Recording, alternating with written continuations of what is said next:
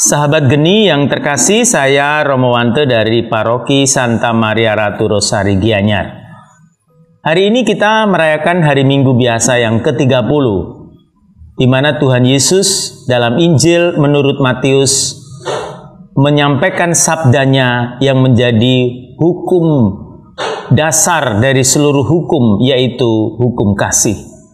Kasihilah Tuhan Allahmu dengan segenap hatimu, dengan segenap jiwamu dan dengan segenap akal budimu. Itulah hukum yang utama dan yang pertama.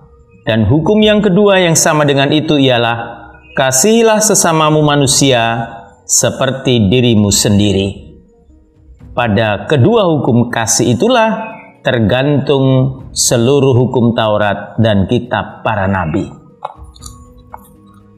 Saudara-saudari pendengar Geni, sahabat geni yang terkasih, hidup kita itu membutuhkan banyak sekali pedoman agar orang tidak menjadi liar. Namun semua peraturan itu harus berurat, berakar, berdasar pada perintah, yaitu perintah kasih dari Allah sendiri. Peraturan yang benar dan baik harus mengungkapkan kasih, bukan sebaliknya melawan kasih kasih kepada Allah dan sesama hendaknya menjadi motor, kekuatan, dasar, sekaligus kompas untuk melaksanakan pedoman peraturan hidup bersama. Kasih kepada Allah yang tidak terwujud dalam tindakan mengasihi orang lain, sesungguhnya kosong belaka.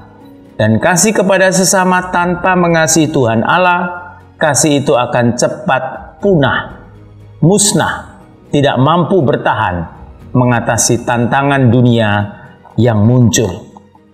Karena itu kaitannya dengan bacaan yang pertama dari kitab Keluaran, jangan menindas, di mana bacaan yang pertama hari ini khususnya berbicara tentang perlakuan terhadap orang-orang yang terpinggirkan. Yang menarik di sini adalah perintah etis, perintah moral untuk memperhatikan sesama manusia, terlebih mereka yang terpinggirkan. Karena itu, sikap kita yang dituntut sebagai orang-orang Kristiani, orang Katolik adalah perintah untuk jangan menindas, melainkan memperhatikan, mengasihi mereka yang terpinggirkan.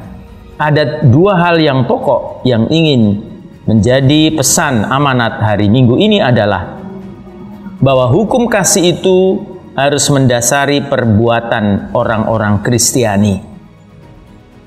Dan semua tindakan kita harus bernuansa kasih, memperhatikan mereka yang miskin dan terpinggirkan. Itu yang pertama. Yang kedua adalah saatnya bagi kita untuk bersikap peduli. Mari kita peduli terhadap sesama bukan hanya orang-orang Kristiani, tetapi semua orang dan kita membantu pemerintah, masyarakat sipil untuk melahirkan kebijakan-kebijakan yang berpihak kepada orang yang kecil yang terpinggirkan. Dan itulah tindakan kasih yang harus kita lakukan. Sahabat geni yang terkasih, apakah Anda memiliki kasih hari ini untuk orang-orang yang Anda jumpai. Apakah Anda sudah berbuat kasih dengan peduli terhadap sesama, teristimewa mereka yang terpinggirkan? Semoga hari ini menjadi berkat bagi kita semua dan Tuhan hadir dalam dirimu melalui tindakan kasih terhadap sesama. Tuhan memberkati. Amin.